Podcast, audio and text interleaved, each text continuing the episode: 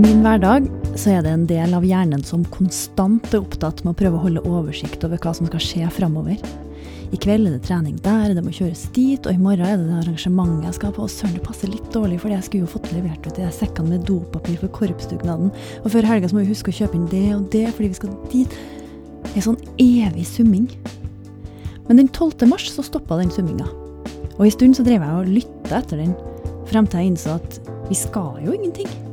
Vi skal være hjem. I kveld skal jeg være hjem. I helga skal jeg være hjem. Og det føltes som en lettelse. Velkommen til podkasten På den andre siden. Jeg heter Randi Lillehalteren. I denne serien så leter jeg etter mulighetene koronakrisa gir oss til å ta verden raskere i en bærekraftig retning. Men hva ligger i det ordet bærekraft? Gro Harlem Brundtland og FN-kommisjonen hun leda, lanserte begrepet bærekraftig utvikling i rapporten Vår felles framtid i 1987.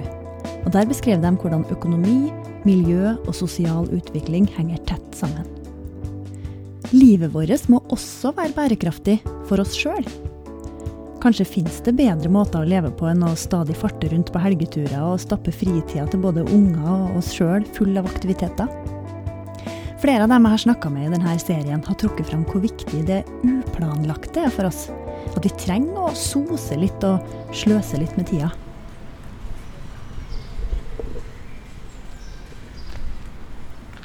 Jeg står utafor Nidarosdomen og venter på han som skal være gjest i denne episoden.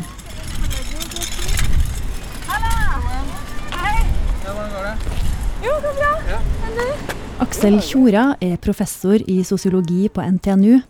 Han forsker på fellesskap, hvordan vi lever sammen i byer, i nabolag og i familier. Vi tusler over Vestfrontplassen og inn i borggården i Erkebispegården. Det treskyggen der er fint. Vi setter oss i skyggen av et tre og håper at lyden av gressklipperkjøretøyene i Domkirkeparken ikke blir for dominerende. Ja, Aksel, når vi sitter her nå i Erkebispegården i Trondheim og sommerlydene er rundt oss og det sitter folk på utekafeene og sånn, så vi har riktignok denne meteren imellom oss, da. I hvert fall sånn cirka. ja, det er ganske cirka dette. Ja. Kanskje 95 cm. 95,5.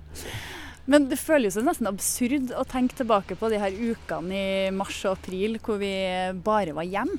For etter den historiske pressekonferansen til Erna Solberg 12.3, så skulle vi ingen steder. Vi skulle ikke på restaurant, vi skulle ikke gå på konsert, vi skulle ikke kjøre unger på trening eller korps. Og mange av oss skulle heller ikke på jobb. Og vi ble rett og slett brått rykka ut, eller vi må kanskje si rykka inn fra den vanlige tilværelsen vår. Mm. Hva var det som skjedde med oss som mennesker da? Nei, jeg tror eh, hver enkelt av oss, og kanskje som samfunn, at vi fikk et litt sånn snev av eh, på en måte panikk, men kanskje også en sånn eh, plutselig eh, innsikt at nå skjer det noe veldig spesielt og dramatisk, også her hos oss. Eh, fordi at vi var jo på en måte forberedt på at det er en pandemi. Men vi er jo veldig ofte vant til at det er pandemier i andre deler av verden, ikke sant? andre steder. Eh, langt vekke fra oss. Eh, men fra den pressekonferansen skjønte vi at ok, men nå er det her også noe vi må forholde oss til. da. Og jeg tenker jo at vi, vi fikk til det ganske brått og brutalt, og kanskje ganske bra, egentlig. Eh, men jeg har en liksom følelse av at det her var en sånn fascinasjon også blant mange. da. At man eh, tok det her Man tok steget fullstendig inn, som du sa. ikke sant? Inn i husa, eh, tilbake på hjemmekontor, eh, barna bort fra skole, barnehage osv. Så, så Så det som skjedde med oss, var vel at vi plutselig innså at vi er en del av verden. At vi faktisk må ta noen sånne Ja, endre på vår praksis. da, Noe voldsomt. Og plutselig. Og, og hele nasjonen på en gang. Og det er, det, For oss er det veldig spesielt. da. Vi, de, de færreste, av, oss- færreste av oss har jo opplevd krigen, ikke sant. Så man tenker liksom at eh, nå er det litt sånn tilstander som om det skulle vært en eller annen, en eller annen krig eller et eller annet sånt. Man må eh, løpe ned i tilfluktsrom ikke sant, og holde seg der. Mm. Jeg kjenner godt uh, igjen det du sier det her med en sånn fascinasjon. For det var jo litt sånn Når man tenker tilbake det, og liksom man følte jo at man var med på noe litt historisk, og at det her var litt spennende kanskje òg, selv Ja. om kanskje mange var var redd? Ja, jeg tror det er en sånn wow-effekt på en måte, da. At uh, oi, nå, nå skjer det noe her, altså. Nå, nå blir det litt sånn an annerledes. Og så tenkte vi nok at det her går over ganske fort. Og når vi tror at noe kan gå over ganske fort, så er vi villige til å ta ganske radikale grep. ikke sant? At man uh, burer seg fullstendig inne. Altså Folk slutta jo å gå ut. Selv om det ikke var farlig å gå en tur liksom i skogen eller i byen, som, som ble helt tom. Men å liksom, hamstra si, joikaboller og dopapir eh, ikke sant? Til og med sånn der eh, spagetti à la Capri begynte folk å kjøpe. Det, det sier jo litt om panikken. så, så da folk bare eh, gjorde fryktelig mye for nesten å forsterke hvor annerledes det her skulle være nå. Da. Mm. Det syns jeg er ganske fascinerende. Men jeg tenker, det var jo en del andre ting vi ble fratatt òg, som er sånn Jeg tenker det å ta noen i hånda når man sånn, Vi tok jo ikke i hånda når vi møttes nå, f.eks. Eller gi en klem mm. til noen du føler at det er innafor med. Ja. Hva, hva, gjør det med oss å miste de tingene? det der ble jo litt sånn komikk i de her møtene mellom folk. Hvor man liksom ja, kunne vinke til hverandre på liksom to meters avstand. Uh, og, og, si navnet sitt, som virker helt sånn merkelig. Det virker som litt sånn en gjeng som driver terapi ikke sant, og sier navnet sitt i runden. Uh, eller sånne litt sånn rarete Stikke beina og føttene mot hverandre, liksom, og sånne albuer og, og liksom, sånne ting. Og folk lo, på en måte. ikke sant? Folk, folk, lo mot hverandre fordi at alle skjønte at det her er rart. Men nå gjør vi det sånn, og så er vi enige om at det er komisk, men, men, men, men vi gjør det sånn, da. Og det sier litt om at den her, altså den her refleksen som vi har med å ta den andre personen i hånda, eh, den er, den er nesten, nesten, ubevisst. At man bare strekker fram hånda, og så plutselig innser man at nei, nei, nei, vi skulle ikke gjøre det nå. Og så må man også kommentere det. Og det her er på en måte en sånn eh, en av de sosiologene som heter Harold Garfinkel, som holdt på med det han kalte etnometodologi, altså folks metoder. Uh, altså har noe sånn brukbar type analyse av hvorfor vi må forklare hvorfor vi, gjør noe annerledes. Eh, og det er liksom der uh, vi må bare sørge for at alle er bevisst på Ja, grunnen til at vi ikke hilser på hverandre i hånda nå, det er jo fordi at vi alle er obs på den koronasituasjonen. Så akkurat som du Altså Når du sniker i sikkerhetskontroll på flyplassen, ikke sant, så må du si til alle du, du, Flyet mitt går om 20 minutter, jeg er nødt til å løpe. sant? Eh, så håper du på en forståelse der. Så det er litt den samme. Du må, du må forklare det unormale. For det normale tas jo for gitt. da. Og Nå begynner det å bli litt normalt. det der at man, man, Nå er den refleksen nærmest borte. ikke sant? Ja. Og ta hverandre i hånda.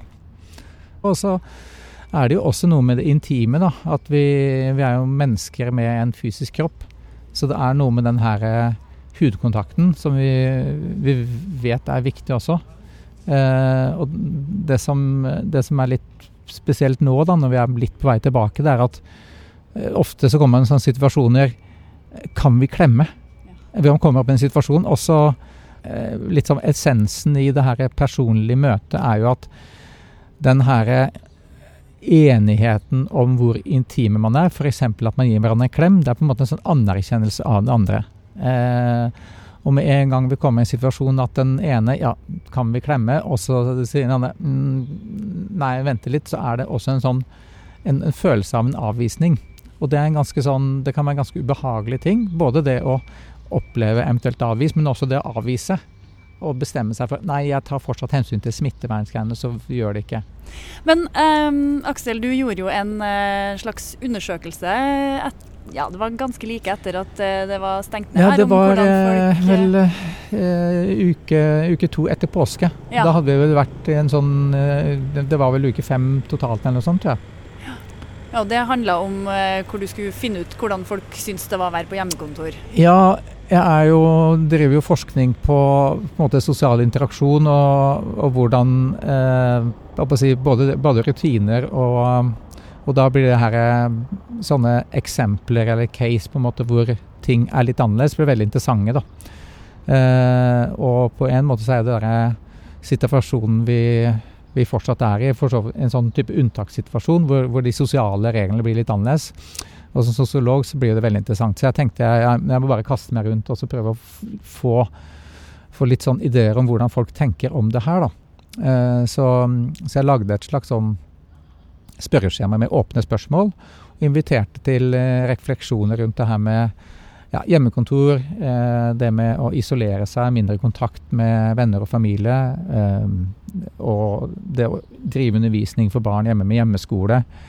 Og også det her med sånne digitale kulturarrangementer, altså digitale konserter og sånt. Men det var ganske mange sånne gode refleksjoner i, i det, selv om jeg bare har fått sett veldig raskt på det. Eh, veldig mange nyanser. Eh, så noen opplever det med hjemmekontor som en sånn enda bedre situasjon enn å, enn å dra på kontoret. Altså folk som kanskje har prosjekter de er veldig involvert i, som de ikke er avhengig av så mange å jobbe med. Eh, en viktig nyanse der, tror jeg, at eh, mange hadde mye hjelp. altså Enten ved ordentlig opplegg fra skolen, eller en arbeidsgiver som, eh, som er aktiv på bruk av ulike digitale medier og sånt, mens andre blir sittende veldig for seg sjøl. Eh, og så er vi veldig forskjellige. Noen av oss eh, vil på en måte ha den her eh, konstante kommunikasjonen, mens andre kan sitte og pusle med, med våre egne prosjekter og være effektive. Da. Jeg tror nok at eh, at noe veldig mange har lært, at man ikke kan eh, hva heter det, ta alle over én kam eller one size fits all. Det funker ikke helt her, for at folk er så forskjellige og reagerer så forskjellig på det her. Mm. Ja, det har vi lært. Men uh, hva slags andre ting har, uh, har vi som har uh, ja, Vi har jo liksom delvis stort sett isolert oss, veldig mange. Jeg tenker også folk som har hatt en jobb hvor man har måttet da dra på dagligvarebutikken hvor man jobber, eller på sykehuset, ja. eller mm. da, Man har jo likevel vært mye hjem ellers. Hva har vi lært av den perioden her? Mm, jeg tror det viktigste vi har lært er hvor betydningsfullt fellesskapet er, og de ulike fellesskapene. Og vi har, eh, som du sa innledningsvis, så har vi kanskje isolert oss mer enn nødvendig. Altså at uh, hvis du går på matbutikken, så alle liksom rykker liksom, fra hverandre. Liksom, blir livredd hvis man kommer en halvmeter uh, liksom, nær mellom hyllene og sånt. Uh, og, og, slutter med den småpraten på butikken. For altså, nærbutikken er et sånn interessant uh, sånn sosialt uh, sosial møteplass på et vis. Fordi at de fleste er veldig sånn rutinebrukere av en fast nærbutikk. og møter du en kjenning mellom hyllene, så er det veldig naturlig å veksle noen få ord, kanskje et par minutter, og, og, og høre med hvordan det går. Mens nå, selv om vi kunne ha gjort det, så slutta vi med det. Så det gjorde veldig mye med oss, tenker jeg. da, At vi, vi, vi stjal fra oss sjøl de små, små interaksjonene. Og når jeg har eh, forska på det med fellesskap, så er jo kanskje det noe av det som jeg er mest opptatt av. Altså alle de små interaksjonene som også er fellesskap. Så når vi møter på en måte naboen i forbifarta eller en eller annen kjenning på butikken, så er det faktisk en sånn veldig umiddelbar opplevelse av å være en del av samfunnet, en del av lokalmiljøet. Eh, og en del av naboskapet. Så, så, det at vi på en måte fikk en sånn innskytelse at også det skulle tas bort fra oss, eller at vi tok det bort sjøl, egentlig, eh, det, jeg, det, var viktig. fordi da har vi skjønt at de her eh, små samtalene og det her si, litt sånn subtile fellesskapet der, det er faktisk ganske viktig, da. Altså det at det ble så rolig også på ettermiddagene, ikke bare det med hjemmekontor for mange, men også det med at alle sånne ettermiddagsaktiviteter. Eh, særlig for de av oss som har barn eh, som, som, er aktive. Altså det, det, gjorde det veldig med ettermiddagen. ikke sant, At eh, det var ikke noe som skulle skje eh, liksom etter at man hadde spist middag. Da var det egentlig bare eh, rolig å sitte og pusle med sine ting hjemme, eller se på TV, eller eh, et eller annet annet. ta seg et glass vin til middag. Han skulle jo ikke kjøre noen noe sted uansett. Uh, og det syns jeg var liksom behagelig. Jeg merka det sjøl. Og det har jeg sett også en del av de andre som har svart på, de, på undersøkelsen der, at det, det altså bare senke skuldrene litt Det har vært en sånn positiv opplevelse for mange. da. Og det, det er vel noe med at vi fyller dagene våre ganske mye ellers. Med, med både jobb og ting som skjer på ettermiddagene. og og for egen del, og for de av oss som er måte, litt sånn på konferanser og holder kanskje foredrag her og der og mye sånne ekstraaktiviteter, det ble også borte. Sånn at eh, kalenderen var jo plutselig ganske tom. og det, det tror jeg for mange er litt sånn eh, angstfylt. Fordi at man føler seg at man gjør ingenting, ikke sant. Eh, men også litt deilig, da. Eh, man kan liksom bare gjøre akkurat hva man vil. Så det, den her eh, følelsen av stillhet og ro, eh, den, den, tror jeg vi har godt av. da. Så jeg, man kan jo håpe at det har, at det har på en måte sunket litt inn. da.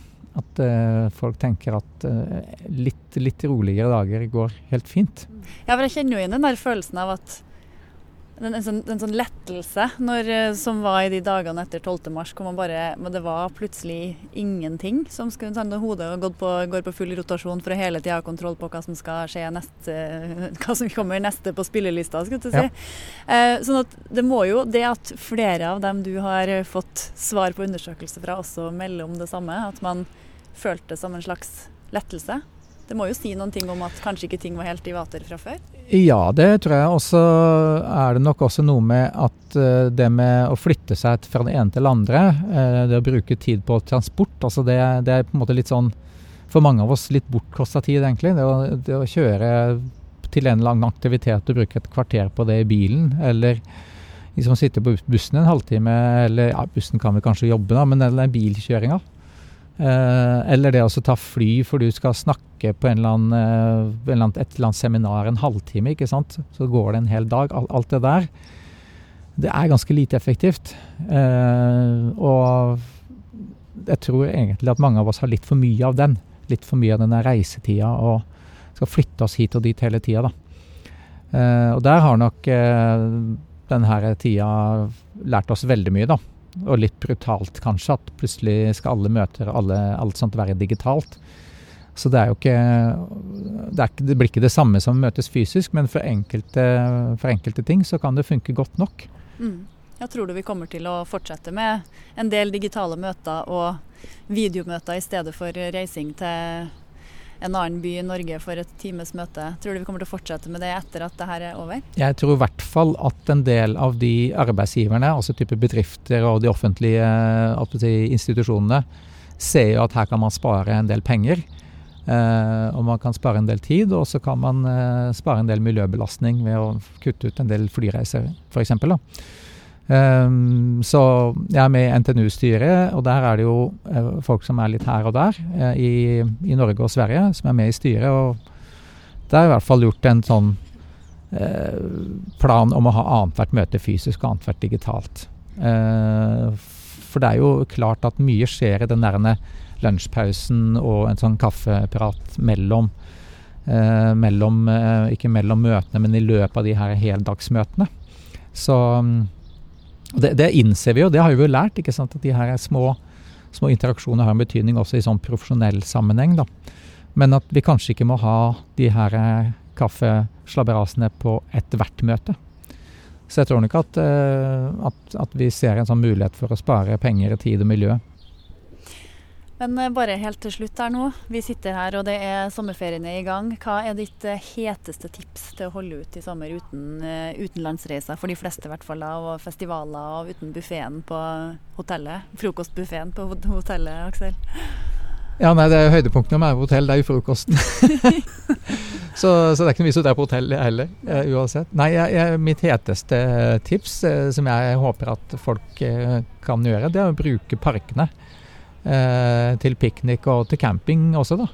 Eh, fordi at vi har ganske mange store parker og sånne friluftsområder rundt omkring som, som jeg håper folk kan bruke. Eh, og sjøl syns jeg det å måtte ta med en kaffe eller et par pils og et teppe i parken eh, Kjøpe et par bagetter eller noe sånt, og så bare, bare slappe av. Det er noe av det fineste man kan gjøre. da. Ta med en radio eller et eller annet, og så sette på litt musikk eller et eller annet. Uh, og det er, det er, ganske rimelig, og de fleste har sånne muligheter ganske nær seg. Uh, og det er noe som man kan gjøre sammen med venner eller med familie og sånt. Så, så det er mitt, mitt tips. da, Et, uh, et piknikteppe og liksom en par hyggelige timer i en nærliggende park. Mm. Det tipset tar vi med oss. Aksel Tjora, professor i sosiologi ved NTNU. Takk for at du tok deg tid til å være med i podkasten på den andre siden. Det var veldig hyggelig.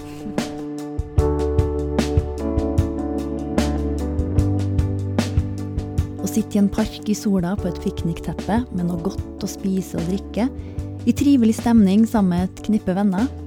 Jeg er sikker på at ingen syns det høres motbydelig ut. Kanskje blir vi flinkere til å drømme om sånne her små øyeblikk etter koronaperioden. Sånn sånne øyeblikk som forbruker veldig få naturressurser. For det er jo det det handler om. Jorda har begrensa med ressurser, og sånn som vi lever nå, så er vi i ferd med å bruke dem opp. I neste episode skal vi snakke med en jeg vil kalle bærekraftsguru. Catherine Richardson er professor i biologisk oseanografi og leder Sustainability Science Center ved Københavns universitet. Og hun sitter i Klimarådet, ei ekspertgruppe som gir råd om klimaspørsmål til den danske regjeringa. At systemtenkning og, og bæredygtighet krever at vi erkender at vi er en del av et system hele, med alle andre organismer på jorden, og vi har en, en, en begrenset mængde ressurser vi kan leve av. Catherine Richardson skal jeg snakke med neste gang. På den andre siden er laga av produsent Kirsti Svenning og meg, Randi Lillealteren. Musikken er spesialkomponert av Anders Bang-Kertzner. Serien er produsert av Historiebruket for Agenda Res Publica Media, og redaktøren heter Halvor Fines Trettvold. Vi har fått støtte til dette prosjektet fra stiftelsen Fritt Ord. Vi høres!